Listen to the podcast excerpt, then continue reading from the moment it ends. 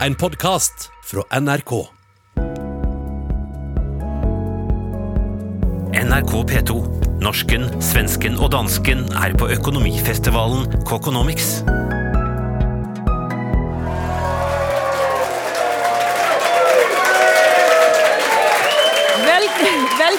Velkommen, velkommen til norsken, svensken og dansken, som denne uken sender fra Holmen Bar i Stavanger, live fra Bibelbeltet. Vi skal skamløst meske oss i åpenhetskulturen og alle industrier som kapitaliserer på den. For vi er tross alt på en økonomifestival. I dag har jeg med meg tre skandinaviske virkelighetsjunkies fra Norge og Island. Mimir Kristiansson. Ikke bare Ikke bare virkelighetsjunkie, men straks også reality-stjerne. Fra Sverige, Fredrik Virtanen, som bretta ut hele sin elleville livshistorie mellom, i permene uten nåde. En ransaking. Velkommen. Og her sitter du, altså danske Jakob Søndergaard, og tror du skal slippe unna. Men du er en av de aller største virkelighetsprofitørene. Og la oss altså begynne rett i den fine enden. La oss begynne med virkelighetslitteraturen. Og da må jeg spørre deg eh, Kan du si helt kort hva virkelighetslitteratur er? Spørsmål én. To. Selger det godt? Jeg skal prøve. Takk, Hilde, og takk for invitasjonen. Øh, der er en, en helt enkel og gængs definisjon på virkelighetslitteratur, og det er at det er en genre hvor der er et navnesammenfald mellom forteller og øh, forfatter og hovedperson. Forteller, forfatter og hovedperson. Hvis vedkommende har det samme navn, så er det virkelighetslitteratur. Det er den enkle definisjonen. Og hvor mye virkelighetslitteratur har du? For du har altså vært, du har vært forlagssjef i Rosinonte. Eh, det er du ikke lenger. Derfor har du tid til å komme til Stavanger. forlaget finnes ikke mer, så det var en opplagt anledning til tage Nettopp. til Men ga Stavanger. du ut masse virkelighetslitteratur i Rosinonte?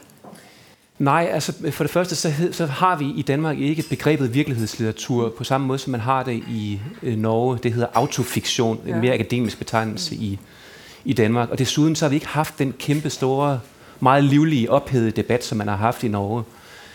Øh, Men det, det er jo ingen Det er ikke noe hinder for at eh, Knausgård er blitt både veldig mye omtalt hos deg. Det må man si. Ja. Eh, og, og hvorfor har Knausgård også blitt en svær greie i Danmark? Jamen fordi Knausgård er et historisk, spektakulært, litterært fenomen. en, en, en, en begivenhed, der vil gå over i litteraturhistorien.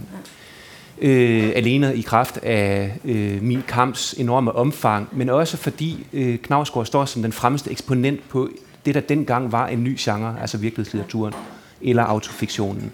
Og det blev opfattet også i Danmark som radikalt og nyskabende og også en lille smule pikant, for det er jo det, virkelighedslitteraturen spiller på. Altså det er jo sånn for man får lese om ganske sånne pikante ting som man egentlig helst ikke vet om forfattere. Ja, Og det er interessant fordi du på ditt forlag, før du eh, slutta, før du la ned, og jeg vet ikke om dette var grunnen, eh, så kom altså boka til Paul Bernt 'Fra skyggene av det vi vet'.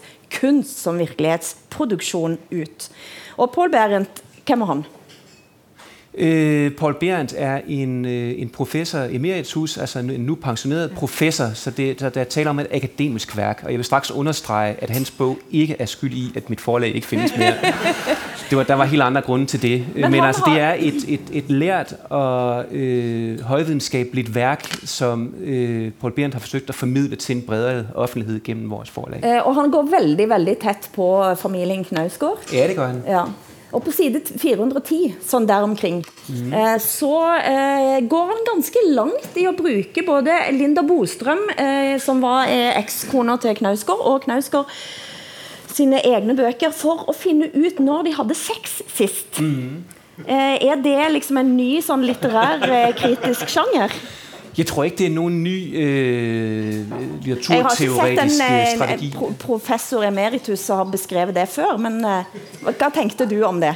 Altså, jeg tænker, at det er et, øh, et legitimt valg, øh, når man skal øh, fortolke et litterært værk som Karl Ove Knavsgaards. Ja. Karl Ove Knavsgaard har jo lanceret det med, på den præmis, at det er vederhæftigt. Ja. Altså, at der er en overensstemmelse mellem det, han har skrevet, ja og virkeligheden. Men hvad betyder det, når de havde sex sidste gang? Hvad giver det os, mener du? Det er en del af værket, og derfor er det også en del af øh, den fortolkning, som øh, Paul Berendt lægger ned over det. det. Det mener jeg er fuldstændig legitimt. Derudover kan man selvfølgelig også øh, gisne om, om der er en en moralsk eller etisk motivation hos, øh, hos litteraturforskeren øh, og et ønske om at give Linda øh, Brostrøm Knavsgaard en, en form for æresoprejsning. Og det er interessant, fordi altså, nå har faktisk også Linda Brostrøm eh, gitt ut en egen bok, Oktoberbarn, mm. eh, og eh, satt eh, nylig eh, ganske så syk på det svenske litteraturprogrammet Babel. Eh, og fortæller om eh, den tiden hun har vært igjennom. Og la oss høre litt, et lite utdrag fra Babel.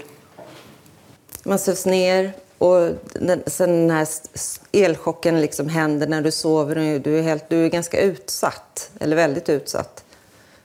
Og sen våkner du noen timer efteråt liksom av og, og vet ikke hva du er.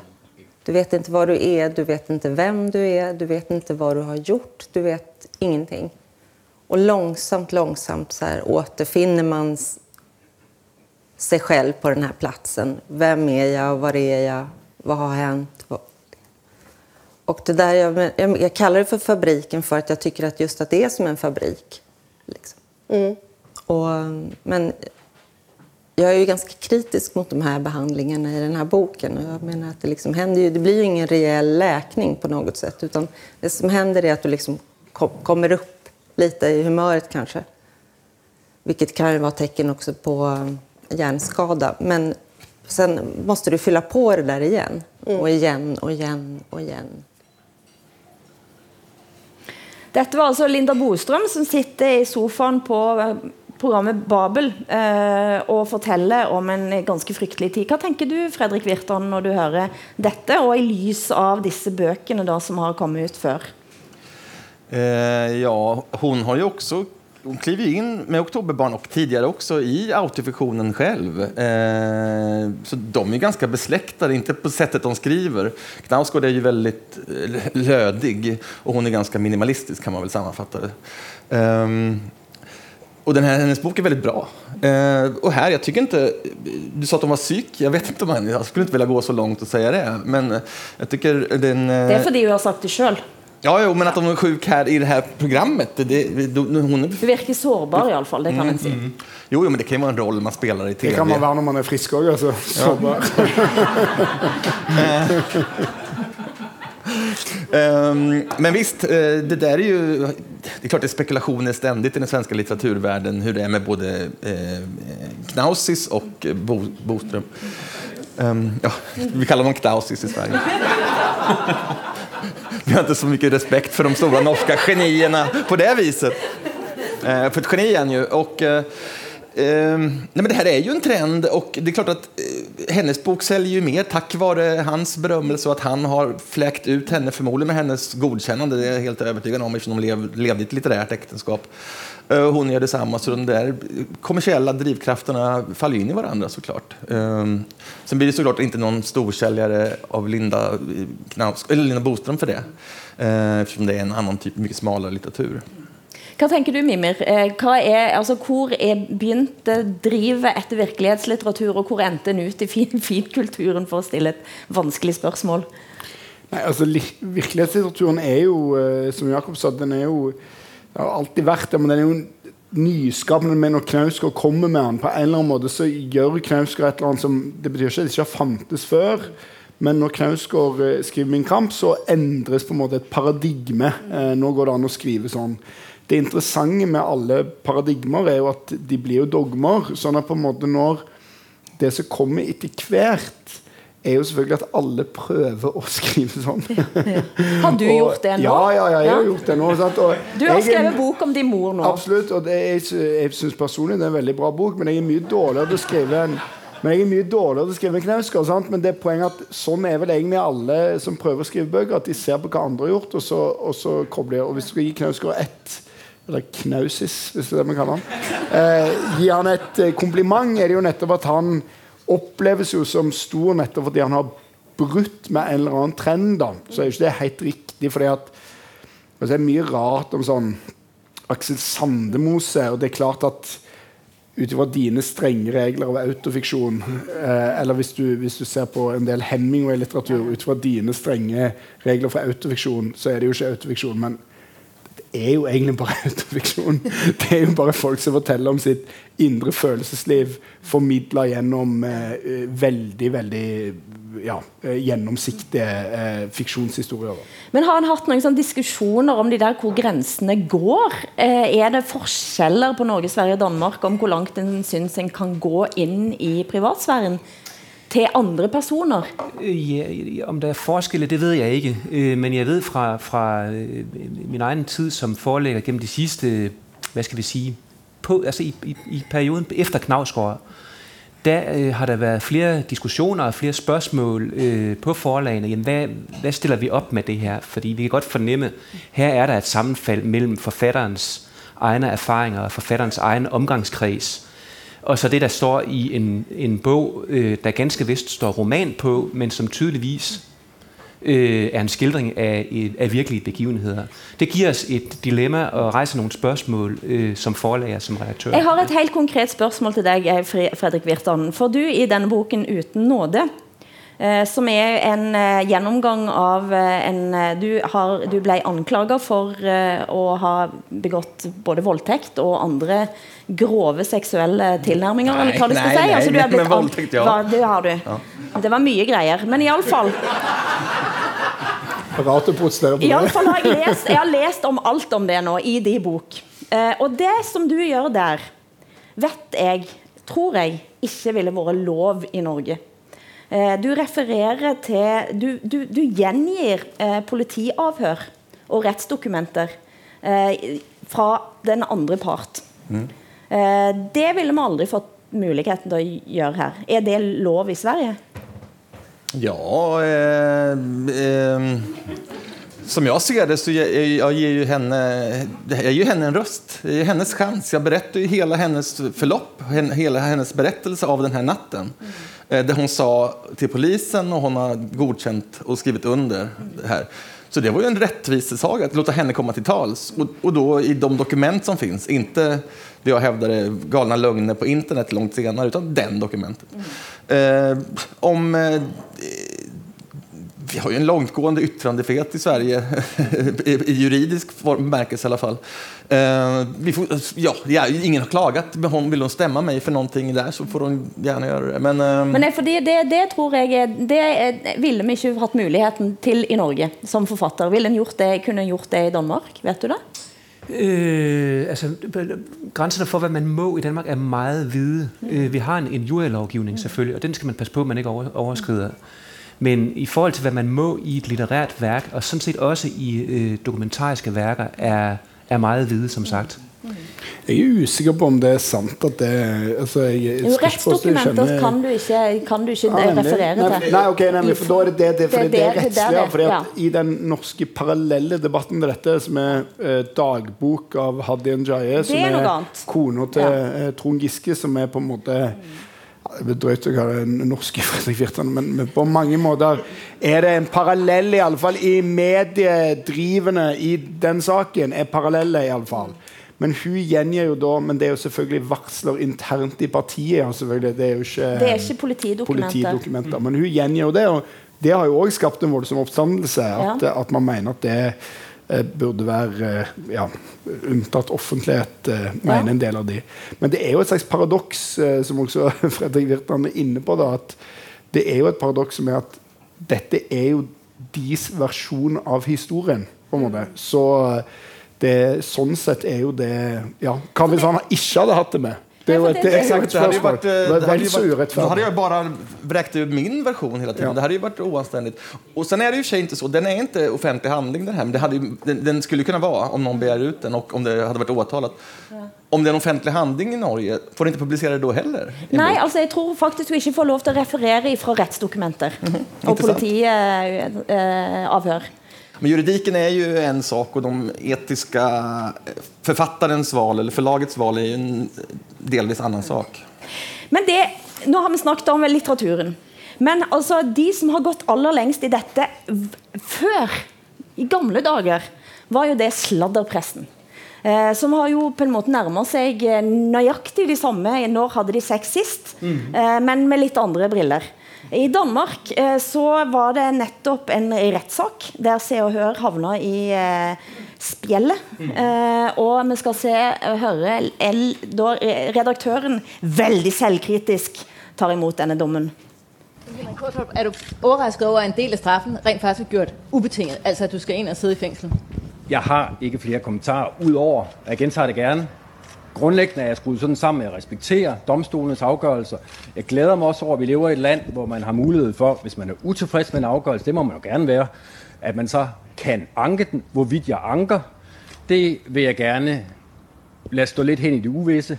Og jeg lover, at dem, der følger mig på Twitter, de får det at vide som de første, hvis jeg anker. Jeg har ikke flere kommentarer. at der var tale om. Følg med på Twitter. Eh, så vil vi finne ut om Henrik Våtrop eh, anka jordene. han Oh, det. Det? Det, der, det, det, der bliver svar skyldig, det vet jeg faktisk ikke. Men var det tilfeldig at det var, i, at det var danske Se og Hør?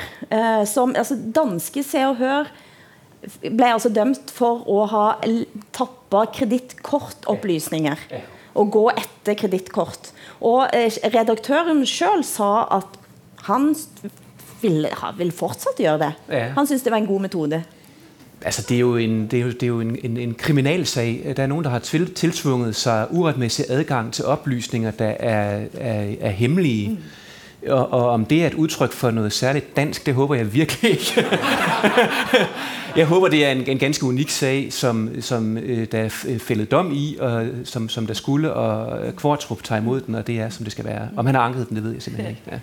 Jeg har nok følelsen at det er uttrykk for noe særlig dansk. Det eh, det, det må vi snakke om bagefter. Nei, men, nei, men nei, ikke sånn at på en måte alle dansker er sånn, men akkurat den der eh, kjendis-sladderkulturen i Danmark, den er enda noen knepp eh, verre. Knepp betyr kanskje noe på dansk, men den er enda den er ennå, den er ennå, den er ennå et par hakk eh, verre eh, enn den er. Ni har jo til og med professorer som er intresserade av beltet under beltet. den er på en måte det, for det har jo vært, Dette er jo ikke første gang dansk Se og Hør er i trøbbel. Altså, det har vært skandaler opp gjennom Mange årene. Mange, mange ganger og, Og Ekstrabladet har side tre, Ja. side ni piker. ja, og, og norsk Se og Hør er vel et kopi av dansk Se og Hør, eh, bare selvfølgelig også med sine svin på skogen, men eh, Ja. Alt er litt mindre i Oslo enn i København. Så det er på en måte Men det denne er det privatlivets fred da, som, som kjendiser har eh, med jevne mellomrom påberopt seg i Norge, har med en sak, eh, Lars Lillo Stenberg, som vant fram eh, for å ikke bli tatt bilde av, eh, fordi de kom på tett på. Men så er spørsmålet nå, er det mulig å være sånn kjendis som nå skal verne om privatlivets fred? Og vi skal liksom haste litt videre inn i det. For de der grensene, er det mulig å tenke seg jeg er kjendis, men ingen skal vite noe om meg. Og I Sverige så har en en eh, TV-personlighet. Karina Berg. Hvem er det, Fredrik Virtanen? Ja, Hon var gift med Christian Lok som också är en väldigt stor tv-kändis. Och hun hon, hon, eh, ja, hon slog igenom som glad programledare, väldigt charmig eh, och så vidare. Och nu eh, gör hon liksom eh, heminredningsprogram och eh, road movies. Sammen med en annen fotballspiller. Er hun en fotbollsspelare? Ja, jeg tror det. Eller, og, for, fotballspiller. og foreldrene eh, til denne fotballspilleren sa at han hadde blitt så rolig at han, han rett og slett, han ville ikke engang flytte til København og spille i FK eh, der. Det, det høres litt eh, tragisk ut, men eh, eh, La oss høre av Sveriges største podkast, Alex og Sigge, et lite klipp om Karina Berg. Jeg tycker hun er for TV-verden hva Hillary Clinton er for politiken. Dette at hun har vært så lenge i denne bransjen, at hun er et tv-djur. Bare jeg hører hennes røst nå, så er det umulig for meg å vite om det fins et enda korn av sanning i det hun säger. Eller om hon är innehållsmänniska ut i fingerspetsarna. Nej, men, nej, men precis. Men kan det inte vara sant även om det är innehåll, menar du? Jo, det är det som är definitionen på ett tv-djur, respektive politiskt djur. Att antalet timmar de har befunnit sig i den här branschen är så, är så enormt att gränsen har uppluckrats. Dette er Norsken, svensken og dansken i NRK P2.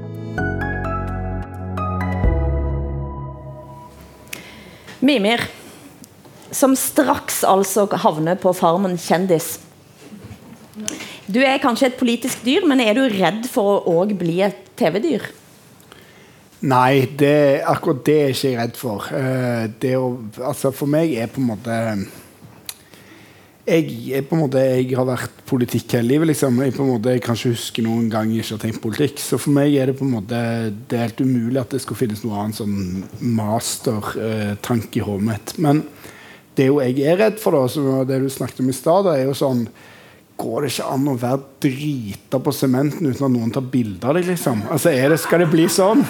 Skal det bli har sånn? har det blitt sånn? Skjønner du? Nei, nei, sånn? det, men nå kommer jo dette på TV i januar, så jeg, jeg vet jo ikke, jeg. Og det er jo veldig stressende opplegg, liksom. For det kan jo jeg røpe, da, både til de som sitter her og til alle andre, at eh, det er, det er mulig å ta bilder av meg i uheldige situasjoner. Sant? Så det er på en måte Da lurer du på er det, kommer det til å bli sånn. Og det er klart at Men poenget er at når jeg blir med på et sånt reality-program For min del var det sånn Jeg eh, sa opp jobben, flytta til Stavanger for å drive med lokalpolitikk for kommunistpartiet her, og det er ikke veldig godt betalt. Og de sier du kan bli med på et reality-program, du får 225 000 kroner. Ja. Det er akkurat de 225 000 kronene jeg trenger for Men, å men snakk om intimitetsindustrien Jo, her. men Du er rett og det, slett ja, jeg er det. Så da bare selger jeg meg. Det er greit, det. Jeg går på TV, det er fint. Og så det viktigste for meg det var å ikke havne på program eh, Altså Ex on the Beach og alt mulig sånn. Der er det jo full på TV. Så jeg vil på en måte bare så lenge vi er edru, Er det alkohol på Farmen kjendis i det hele Nei, tatt? nesten ingenting. Er veldig lite. Surmelk? Ja, det er nesten ikke mat, men det er noe annet sak. Og så poenget så er du der og alt mulig, og så holder du på med det. Det kan i og for seg gå veldig bra, det kan sikkert gå veldig dårlig òg, men vi får se når det kommer på TV. som sagt. Men for meg er på en måte Jeg tror liksom at eh, Jeg er usikker på det der. Jeg har jo solgt på en måte meg sjøl. Det er litt sånn Det synes jeg med Lars Lillo Stenberg-sangen at det er sånn rart å drive og kreve tilbake seg sjøl etter det. Altså du kan si Han er litt annerledes. Peter De Lillo som bare spilte i et band og ikke blitt bedt om å ta bilder. og se her. Men altså, jeg har jo blitt bedt om dette. Altså Jeg har jo gått inn i dette med åpne øyne for 225 000 kroner. Og, og på en måte da eh, må jo man på en måte akseptere det i noen år. da Sånn at jeg har ikke sånn evinnelig sympati med sånn reality-deltakere som kommer liksom ut derfra og så begynner å klage over at nå er det så slitsomt å være kjent. Det synes jeg eh, Det må man leve med. Jeg, kan- jeg kan kanskje røpe uten kilde at det var noen som sa at dette kommer til å gjøre at Mimi blir en folkehelt, og jeg er, er rimelig redd for det, sa vedkommende. Eh, Fredrik Virtan, du har jo på en måte Du har jo vært en offentlig figur, men ikke privat. Og så ble du det. Ja. Hvorfor? Varför? Jo, jag blev ju uthängd då eh, i media. Fritt valg. Nej. Så, så- den här boken jag skrev, som är väldigt självbiografisk kombination med mediekritik och eh, det är ju sakprosa och mycket om mig själv. Jag hade ju aldrig gjort det annars om jag inte var illa tvingad att ge min historia. Eh, för jag är emot den typen av... Jag har aldrig... Jag eller kanske låtsats vara privat och jag har haft ett privat tilltal men jag har aldrig berättat om nära och kära till mig om någonting. Och här var jag så illa tvungen att samtidigt dra en gräns för att min fru eh, ganska känd i Sverige, i alla fall litterär, hon är betydande författare i Sverige och kjent känd feminist i okay, Sverige. er det? Det er Carolina Ramqvist Ja. heter hon. Eh, översatt i Norge också dessutom. Så henne vill jag inte... Hon, har ju, hennes, eh, hon måste ju få skriva... För orden är liksom väldigt viktiga för henne, eller för mig också. Men verkligen för henne. Jag kan inte bastardisera hennes upplevelse. Samtidigt var hon ju extremt nära och viktig under hela den här eh, krisen när mitt liv togs ifrån mig.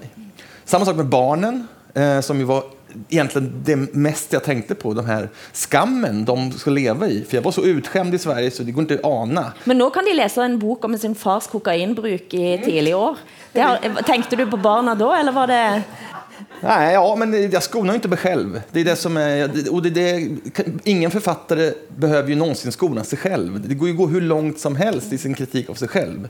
Sen att de då kanske lider av det, men då är det i alla fall min version av mitt kokainmissbruk och uh, fylleri och uh, dåliga beteende på krogen och så.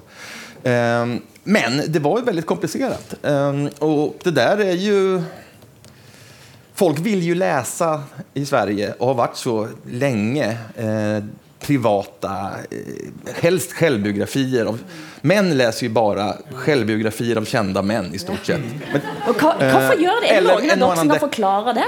Eh, ja eh, Det är ett, ett, ett, ett, hävdar jag en brist på intresse for noe annet enn seg selv og det som de identifierer seg med. Eh, Det var det jeg trodde! det er på en måte, det er på en måte det er på en måte Menns interessefelt er sånn 0 til 15 år fotball, 15 til 25 år damer, 25 år til døden krigen. Det er på en måte Det er sånn det fungerer. Sant? Så er du over 25, så begynner du å interessere deg for sånn biografi om Jens Christian Hauge. Den skal du kjøpe. Jeg må desværre øh, be- bekræfte tendensen som foreligger. Det er sandt. Det er krig, og det er selvbiografi for, for, menn, for mænd over 60. Ja. Eh, Hitlers siste dager. Ja, ja. Hva skal vi gjøre med det? Nej, men det- män är ju inte läsande eh, generellt eh, och mindre och mindre blir det ju. Det är- det är ju kvinnor som bär litteraturen ur armarna och då ofta Som resten av kulturlivet i øvrigt. ja, kulturkvinner, kulturkvinnor, 40, 40 uppåt liksom. Men det har skjedd noe òg i, i, eh, blant menn. Eh, åpenhetskultur. sant? Og Han har tenkt at kvinner snakket om følelser, en Bostrøm satt i sofaen. Men la oss høre et lite klipp, et intervju eh, med eh, eh, Morten Hegseth fra podden Harm og Hegseth. Og Her blir han altså intervjua av Myrlender, som er programleder i Her og Nå. Fra no nordiske mediedager. Du, litt sånn i forbifarten eller sånn plutselig så jeg hører podcasten, og, og dere snakker om alt mulig rart, og så begynner du å snakke om at du vil ha psykolog. Noe som um, Og folk er jo åpne i 2019, men du snakker til 200 000 mennesker. Eh, og din kollega Vegard, uh, internettfenomenet Vegard Harm, som vi skal tilbake til, han uh, umiddelbart Han sier til meg navnet på psykologen sin. Ja. Sånn umiddelbart. I podkasten uka før så hørte jeg deg Snakke om prostataorgasme? Ja. Du hadde vært i New York, kjøpt et sexleketøy og opplevd en ny form for uh, orgasme. ha, altså, og, og nå, som jeg er psykolog, og vi kommer helt sikkert til å følge den reisen din inn i terapien. liksom. Jeg mener jo at liksom podkasten vår er avhengig av å snakke om indre sjelsliv og indre tarm, på en måte, for å holde seg gående. Fordi Vi prøvde i starten å lage liksom podkasten. Jeg og Vegard satt med noen andre og sånn Hei og velkommen til Harm og I dag skal vi snakke om Kim Kardashian og Jennifer Lopez. Og så ja. prøvde vi å snakke om faglige tema, som er faglige tema i vår verden. Eh, Men så innså vi etter hvert at eh, det funka ikke. Og det er liksom motsatt, for vi lager jo panelet på VGTV som er 80% kjendiser og nyheter, på en måte, og 20 oss sjøl. Podkasten er motsatt. Det er 80 oss sjøl og 20% kjendiser. Så det har litt sånn andre regler. Altså, han sier jo egentlig her at han er nødt til å snakke om psykologen og sexleketøy og alt mulig annet for i det hele tatt å ha den oppmerksomheten. Eh, hva tror du, Jakob Søndergaard? Eh, burde òg litteraturen, selv- selvbiografien altså Er det der havner, Får en flere menn inn på den måten? Oh, det er et godt spørsmål. men jeg synes, det rejser, jeg synes, det rejser måske et andet spørgsmål, som også er grundlæggende for hele samtalen her. Altså, hvad er intimitet? Er, er det intimt, når øh, Karo Knavsgaard skriver seks bind om, om sin kamp? Er det intimt, når øh, et antal øh, unge, halvnøgne mennesker er på en, en øde ø? Så det opfatter jeg egentlig ikke som intimt. Altså, det intime i mit liv er, er min egen krop og min egen familie og min, mine egne helt nære relasjoner. Og det minner slett ikke om X on the beach. Nei, men Dette er jo Morten Hegseth. altså, Han sitter Ja. og snakker om at han, vil, han, han trenger psykolog. Og det snakker han om til 200 000 lyttere. Ja. Ja. Men, men, men det er må, måske heller ikke spesielt intimt. Altså det er også en måde at, at være en medieperson på at sige noget, der, der, der minder om noget intimt, men som dybest set måske ikke har særlig meget med hans eget liv at, at gøre. Jeg kender ikke hans liv, så jeg ved det ikke. Men sådanne grejer tror jeg, altså det selv, at psykiske åkommor, eh, depression, alkoholism, eh, rövarliv. Vi har någon som heter Jockiboi Lundell i Sverige som är jätte, gjorde någon slags självbiografi på Forum, ett av de mest kommersiella förlagen, som blev jättepopulär och nu gör en podd. För han, han, han profiterar på det där, eh, om vi ska vara cyniska. Och det, där, det, det går hem. Alltså det, det, psykisk sjukdom, alkoholism och elände. Eh, du kan folk relatera till, för alla är vi psykisk psykiskt sjuka i något mått och alla är vi deprimerade, alla är vi stressade, alla är vi ångest och många har alkoholproblem. som har Vi har extra mycket ångest. Det har vi etablerat i två program Ja, ja. I forlagsbranchen taler man om misery memoirs. Ja, misery de? Memoirs är väl liksom... Ja. pass Persbrandt i Sverige ja. er jo en typisk eksempel. Ja. Mm.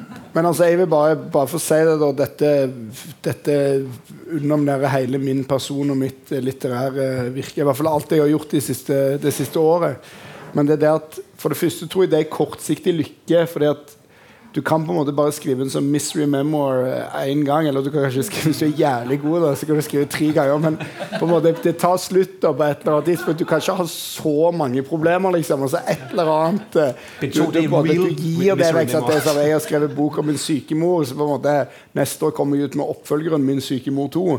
Altså det på en måte Det går ikke. sant? Så da er Da er du alkoholisert på sementen. Den ja, ja, kan du skrive. ja, det Ja, men i Sverige er det god idé, men, men det er det ene. Men det andre er jo òg eh, Som jeg i hvert fall er mer redd for. Og jeg, jeg er ikke noen sånn person til å kaste stein på noen andre, jeg, men det er jo det vi lever jo i mer fragmentert samfunn, så er vi liksom i stand til å forstå hverandre. Og jeg synes jo noe av det triste med eh, skjønnlitteraturen er jo egentlig at fiksjonen er på vei bort.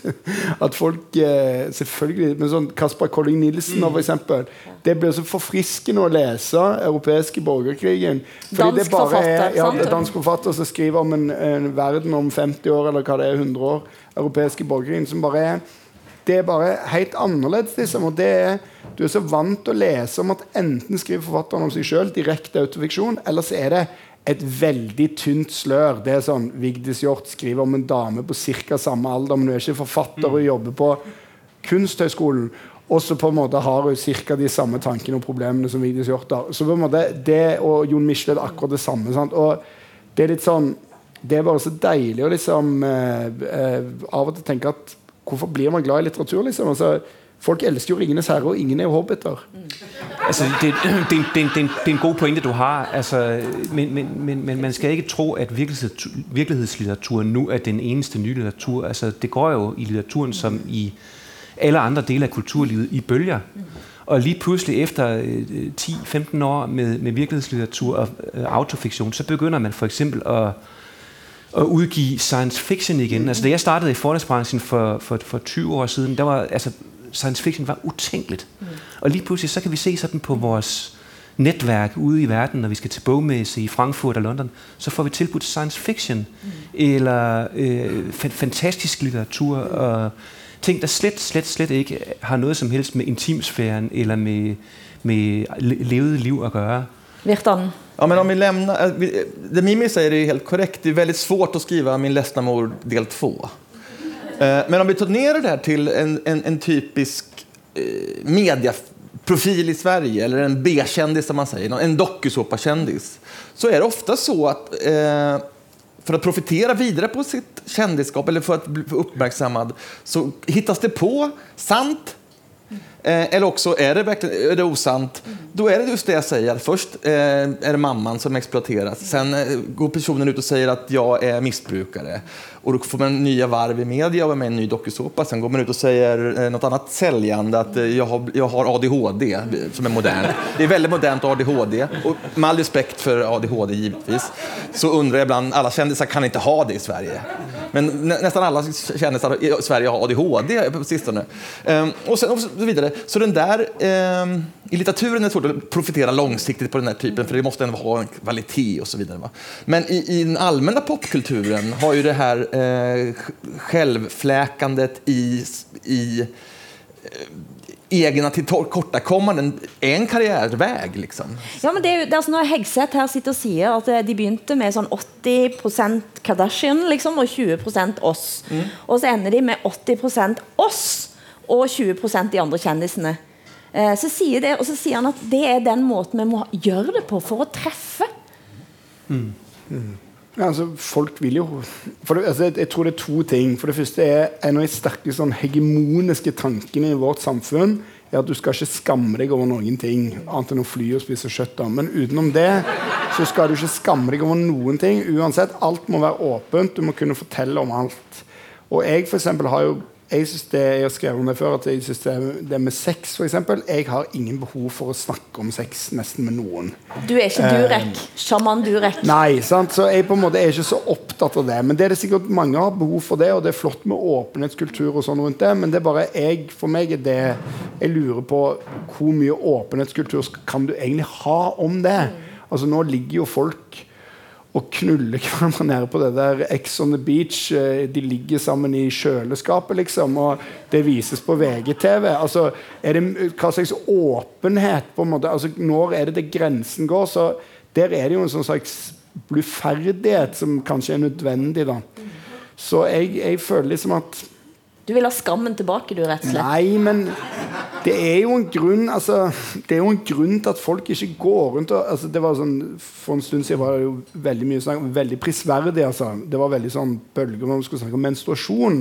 Og det er jo veldig prisverdig, og det er, veldig, det er altfor mye skam om det i verden. Og det er for mye skam om det er noe alt mulig. Men folk går jo ikke rundt og snakker om mensen til fremmede folk på gata. Altså, det er jo, av alle mulige grunner er jo det forståelig. Så på en måte en form for sånn bluferdighet er jo nødvendig i samfunnet, tror jeg. Noen ting er jo private.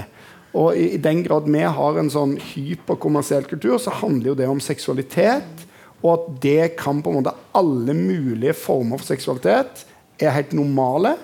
Det er det ene. Og alle kan selges for klikk.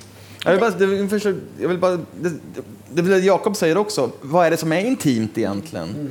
Eh, jag menar, det är ju det val man gör själv. För mig var det inte intimt, om jag, om jag ska ta mig själv som att skriva om kokain för 20-15 år sedan. Intimt var däremot att skriva helt vardagliga detaljer om vad som hände mellan mig och min fru. Det är intimt för mig. Så det, det gick inte att undvika helt och hållet, men jag höll det så långt borta det gick. Liksom. Och samma sak med barnen, också otroligt intimt. Medan mitt vidlyftiga sexliv på 90 och 00-talet, inte intimt. Uh, och det där tror jag, så jag kan ju läsa den och de böckerna du gett ut och den du skriver, de kanske tror att det är intimt det du skriver. Och kanske är det det ibland också. Men uppfattningen en, en, en publik har och den man själv har, det är inte alltid det möts. Og det bare for, å se, bara för, det, for veldig kort. Akkurat det der for mange spør om eh, Er det ikke ille å utlevere din mors mannen? Det er mange spør meg om. Og da er det sånn Mor mi har ingen problemer med utlevering av sykdommen, men hun har masse problemer med sånne ting som jeg har bare trodd var detaljer. Så sånn "S- Syns du det var skittent hjemme hos meg den gangen? Det må du ikke skrive i den boka. Det er sånne ting du må luke ut. Men det er sånn Jeg holder på å dø. Det så, men det er helt greit. Bare skriv det. Så på en måte, det, er sånn, det er veldig rart hva som er på en måte nært for folk. Det er ikke noe sånn logisk. Altså i spørgsmålet om, hvad det, hvad det intime er, altså der, der, der findes en amerikansk forsker, der, der, der hævder, at jamen, søvnen er det, er det sidste domæne, som ikke kan nås af kapitalen, som ikke kan kommercialiseres. Og det mener jeg... Og der findes garanteret garantert blogger der du kan følge folk som sover. Også det, og så begynder det lige pludselig at blive, kom, kom, så, så begynder det lige pludselig at blive, blive kolonialiseret eller kapitaliseret. Men jeg mener, det er rigtigt, at øh, man kan godt definere, øh, ligesom med søvnen, det intime som det sted, den livsfære, der ikke kan nås af øh, kapitalen, eller som ikke kan æstetiseres, som det sker i, i min kamp for eksempel. NRK P2, norsken, svensken og dansken på økonomifestival. La oss høre et lite klipp her fra en eh, av de svenske komikerne som har gjort en hel karriere av å være intim. Mia Skjæringer. Jeg er spritt språngande naken. midt i natten. Her ligger mitt lilla Jesusbarn. Og jeg vet jo så vel, hørni, man får aldri skake et spedbarn. Men man kan vel i alle fall få gunga lite grann i madrassen? Nu for faen sove! Sov sier jeg med deg! Og precis når jeg går opp i fasett her på Sov sier jeg med deg! Så får jeg se døråpningen her, forstår ni. Det er min nordlending som har vaknat. Hej på deg, det var lenge siden. Oj. Och jag ser att vi i denna stund tänker precis samma sak. Hur fan kunde det bli så här? Vad har vi gjort? Och vad ska vi göra för att hitta tillbaks till våran relation? Så kommer mamman på. Bara vi skaffar ett till barn. Mia Skjæring der, altså. Eh, det, folk ler og godter seg, og hun er blitt en ganske stort fenomen. Ja, hun er veldig veldig populær i Sverige. På sista, senaste åren, eller senaste tiden går jo Solsidan som även går i Norge. Va? Så da har de blivit liksom fått en liksom litt mer kreddig profil også. Men hun er veldig veldig populær. Og et bra eksempel på Hun börjar i en komikerduo som heter Mia og Mia og någonting. Förlåt. Eh, som veldig mycket, mycket känslor, väldigt rolig men också väldigt känslig. Så hon kombinerat det då med att berätta om sig själv och väldigt mycket av psykisk ohälsa.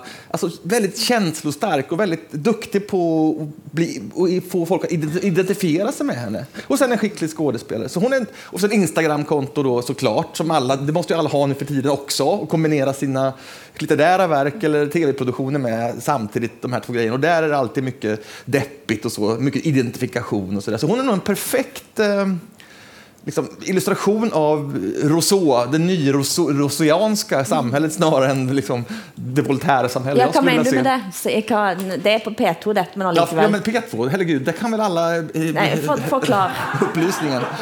Känslosamhället då, känslor eh, snarare än eh, upplysning och fakta och så vidare. Og det er en bra utvikling, tenker du? Nej, det är en hemsk utveckling.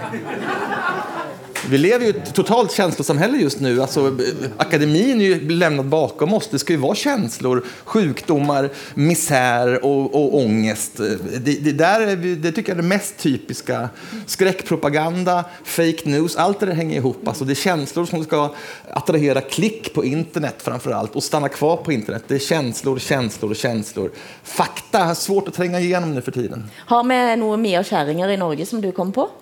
Det er et, Tusvik og Tønne er jo på mange måter der.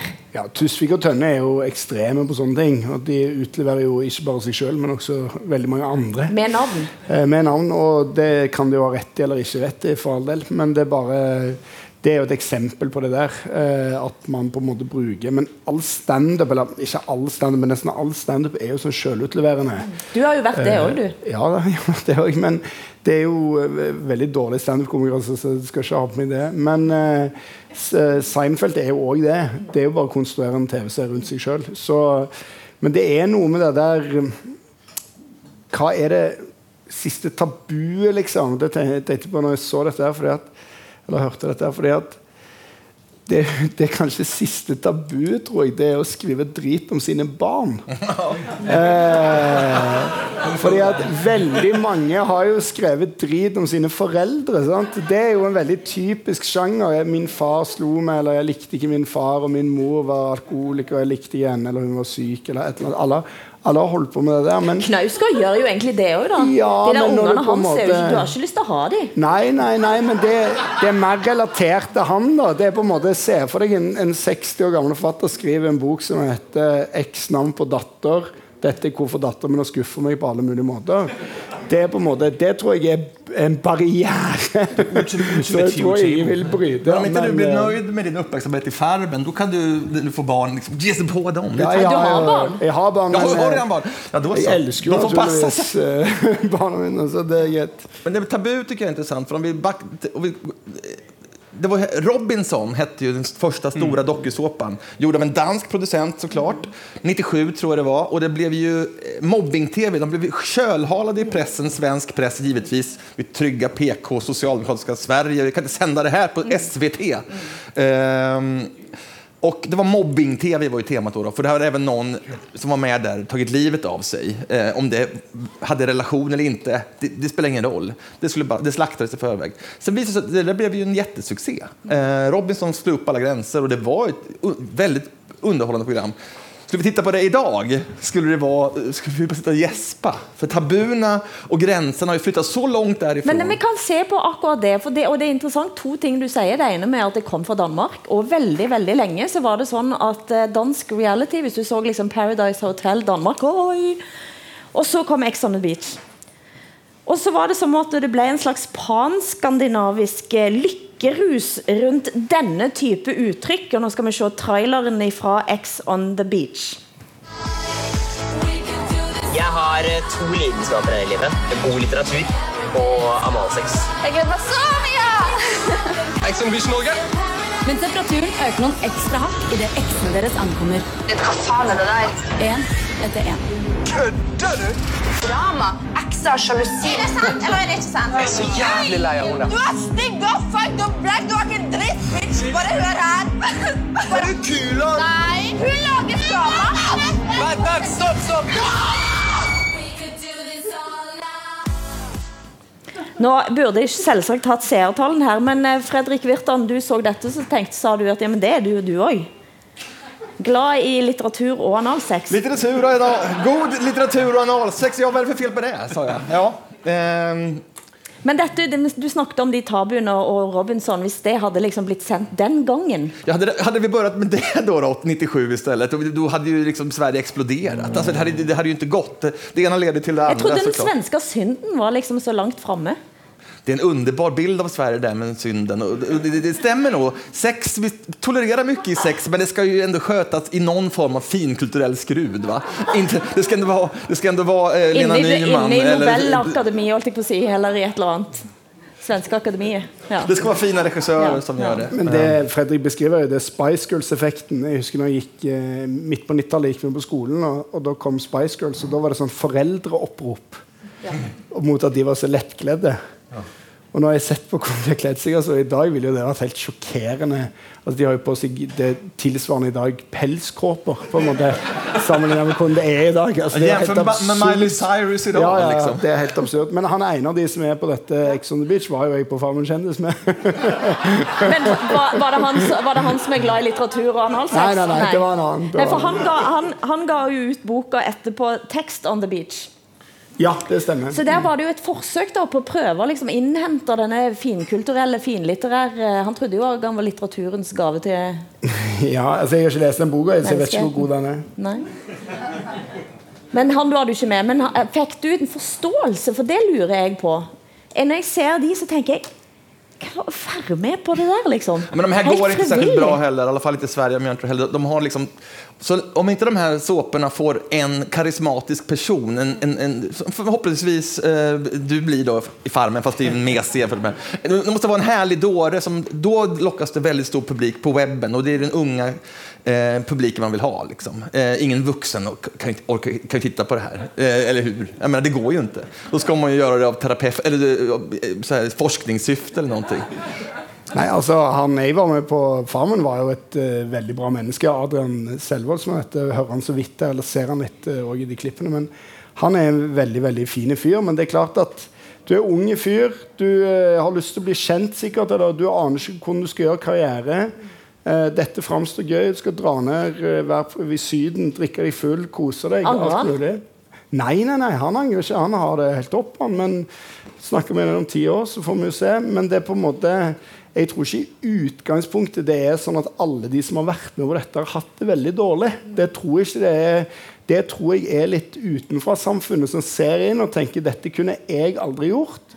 Men i denne generasjonen her så tror jeg at en del av de tingene vi syns er helt sjokkerende å utlevere på TV så Jeg er 33, han er i starten av 20-årene.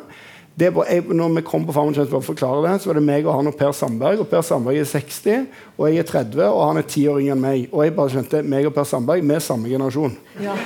Så på en måte Det er liksom eh, Det, er måte, det der er et, et, et, knekk ned, da, for å si det sånn. Men, men, men altså sånn kulturuttrykksmessig, da. Eh, hvor, eh, hvor, ha, hva type fin kultur blir det da i denne generasjonen? om noen år? Nja, jag tror inte, det här är ju inte en skrivande eh, generation, tror jag. Eh, men vem vet, de kan ju bli bild, bildkonstnärer och så vidare. Det är ju rörlig bild som är eh, det som är framtiden, anser ju medieforskare och så vidare. Ja, det är Eh, väldigt gammalt Tyvärr, jag beklagar det, men... Rolig fråga. Jeg vet ikke. Det forlegger förläggaren, Hvor spaner spanar du her? Men altså Spørsmålet er, om det er et, et, et generationsudtryk, eller om det er et uttrykk for noen, øh, noen, noen medieinteresser og noen, noen, kommersielle interesser. Jeg tror ikke, at man kan si at det der det er et uttrykk for, hvordan ungdommen er. Eller Roms siste dager? kanskje. Det tror jeg ikke, det er. Altså, der, der sidder noen og... og Sodoma og Gomorra snakker vi om her når vi er i Stavanger. Alla funnet vet at miljøforstyrringen kommer. Vi kan like gjerne grise ned og tatovere oss og suppe og knulle på en... Jeg tror, eh, et fenomen som X on the Beach og og andre reality shows som den, på den, er den observans eller den karakter, det er et uttrykk for, for, for voksne menns, middelaldrende menns interesser, og ikke ungdommens. Hva tror du om det, Mimir? Jeg synes Jakob har helt rett i det. Det er jo en kommersiell industri som sier til folk du kan dra og bli kjent hvis du drar på TV i Syden, tjener penger, eh, lage en karriere. Alle disse folka kommer jo hjem og så spiller inn musikk og får lage sine egne klesmerker, og gudene vet hva de holder på Du med. snakker om intimitetsindustrien. Det er intimitetsindustrien. Ja, altså, de selger seg sjøl altså, til en industri som sier vi leide De caster jo, sant? De er rundt og snakker med folk. Så snakker de Er du den typen vi er ute etter. Og da hvis du er crazy nok, da, eller hvis du passer inn i den konkrete casten de har Det kallas ju planlagt, alltså så går det influencer. Man kan ju bli Ja, ja. influencer här och skaffa ett internetkonto Ja. eh, och få massa spons och få många följare. Och göra en trevlig... Sen kan man ju välja därifrån. Om man vill bli en politisk person eller om man vill fortsätta vara en dåre. Eller liksom, det, det är ju en plattform att bygga på. och ingen fnyser ju så mycket åt det idag eftersom det finns ju mycket olika kändisar, i så många olika kluster. Och de flesta, ingen tittar på allting idag som vi gjorde förr när allting var i Sverige, Hylands hörna och, och så vidare. Så att det finns så mycket 15 minuters kändisar så att ingen bryr seg egentlig riktig. I, vi har også det at vi har en, eh, en hel haug med familier eh, som blir store. Altså i, altså vi snakker om Kardashians. I Norge har vi familien Ingebrigtsen, kanskje. Eh, I Sverige så hadde vi da Berg. Eh, Ja, tidligvis. familien Valgren Fa- er fa- stor. Ja, familien Valgren er jo stor. Eh, og så i eh, Danmark, hva tror du en har der da, Jakob Søndergaard? Om det kommer en familie... Nei, det er en familie. Du, vet, du har sikkert aldri sett det. Det er faktisk et program som har gått i 16 sesonger. Familien på Bryggen. Eh, med- med familien naturligvis Gess- ja, ja, Lince Linse er. Kessler. Som også finnes i bokform. Ja, ja, finnes i bokform. Og, og her er det et menneske som da altså har eh, Skandinavias største pupper. Eh, interessant å vite for norsken, svensken og dansken. Men vi skal få se et lite klipp helt mot slutten her fra familien på Bryggen. Linse har som alltid gang i mange planer, og i dag har hun fått en litt spesiell idé, som kræver hjelp fra vennen Nils. Det hele det startede med, at Moster Neller hadde sånn noe han pakket fødselsdagsgaver inn i. Og det var sånn noe glimmer, og jeg tenkte nej, hvor er det flott, det papir. Hvor har du købt det hen? Det har jeg købt i tieren. Ej, stik lige ned og hent 10 ruller til mig, fordi det skal op på min væg. Det skal jeg bare have op på min væg. Det vil jeg have. Og mit bollespejl står i øjeblikket dernede ved mit spisebord. Jeg er sådan en pige, der er nødt til at have et bollespejl. Det er meget vigtigt, og det er fordi, jeg ser dejlig ud, når jeg boller. Men jeg kan jo ikke bolle på spisebordet, det kunne man godt, men det bliver trættende i længden. Så derfor så tager jeg mit bollespejl herhen. Og boller ikke så meget i øjeblikket, faktisk overhovedet ikke. Jeg holder meget, meget lang ferie. Men mit bollespejl er vigtigt, fordi ellers kommer jeg jo aldrig i gang. Så mit bollespejl skal op, og så skal jeg lige tage lidt sol, træne lidt røv, så går jeg i gang med boldning igen. Hva er et bollespejl? eh, det, for det noe? Det här är ju, för en svensk är ju det, det här är ju Danmark. Om Peter... Mange tack, mange tack. Om Peter Albeck Jensen är den danske mannen, är det här den danske kvinnan. För i, i svenska politiskt korrekta ögon. This is Denmark. Jeg vil også sige nu, jeg, jeg, har den, jeg har ikke set det, det vil jeg, må, jeg med skam melde, men jeg kender den journalist, Michael Holbæk, som har skrevet bøgerne i samarbejde med Linse Kessler. En dygtig journalist en anerkendt journalist, velskrivende, en fin fyr. Og han siger altså, at øh, de bøger når ud til et publikum, som, som øh, øh, identificerer sig med hende, og som betragter hende som et, et klogt menneske, som øh, har en livsvisdom, ud over bollespejler og store bryster. Det tror jeg på. Og det må man, det må man øh, anerkende. Ja. Eh, det er jo allikevel ikke så veldig langt derifra til din professor, som vi starta med innledningsvis. Jeg er meget glad for den her Eh, som er en, har en, en, en ganske sånn finrett linje mellom når hadde Knausgård sist sex, og bollespeilet til Linse Kessler. Det ble jo sagt professor emeritus og bollespeil i det samme program. Det synes jeg jo, det, det hadde jeg ikke sett for meg. Dette er NRK P2. Ikke sant? Ja. Vi har sittet her og nå eh, dissekert oss selv, eller i hvert fall dere har dissekert eh, hverandre. Eh, hva er den neste intimitetsindustrien? Er det noen som har kom, lyst til å komme med et bud? Jeg, bare, jeg klarer ikke å skjønne hvordan det kan gå lenger. Fordi Hvis du tenker på den Spice Girls-metaforen, sånn var det for meg, og nå er det på en måte analsex på Snapchat. liksom. Og så er min datter hun er to år, og så kommer hun på en tidspunkt til å være 18. Hvor mye lenger kan de gå, liksom?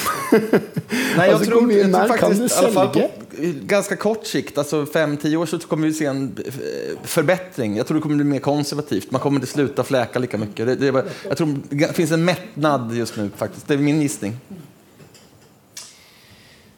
Jeg synes, du, det, du nævnte et, et, et, et, et, frygteligt tabu, som jeg slet ikke havde fantasi til at forestille mig før, der handler om børn. Øh, der, vil jeg ikke, der vil jeg slet ikke hen, men jeg, jeg tænker også, at døden er et tabu. Altså, død på tv, vi kender det jo fra, Ja, altså, fra, fra, skjedd. fra krimier Det det- og så det sker jo. Men også at den, altså, den, den virkelige død. Og følge, følge. Det findes allerede, siger du, Hilde? Ja, jeg tror jeg har sett det. På en eller Det lyder dårlig kanal, garantert. Ja. Tusen hjertelig takk. Jeg er nødt til å gjøre en liten oppklaring her. Eh, Jeg sa både rettsreferat og politiavhør. Det er kun politiavhør det ikke er lov til å referere til i, i norske, norsk litteratur. Eh, Og så kan vi, når vi snakker om Lars Lillo Stenberg, bare tilføye at han vant heller ikke fram. Mitt navn er Hilde Sandvik, og jeg er influenser.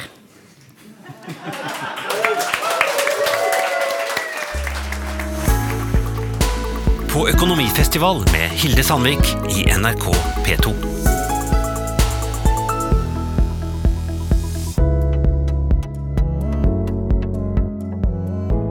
Du har hørt en podcast fra NRK. Hør flere podcaster og din favorittkanal i appen NRK Radio.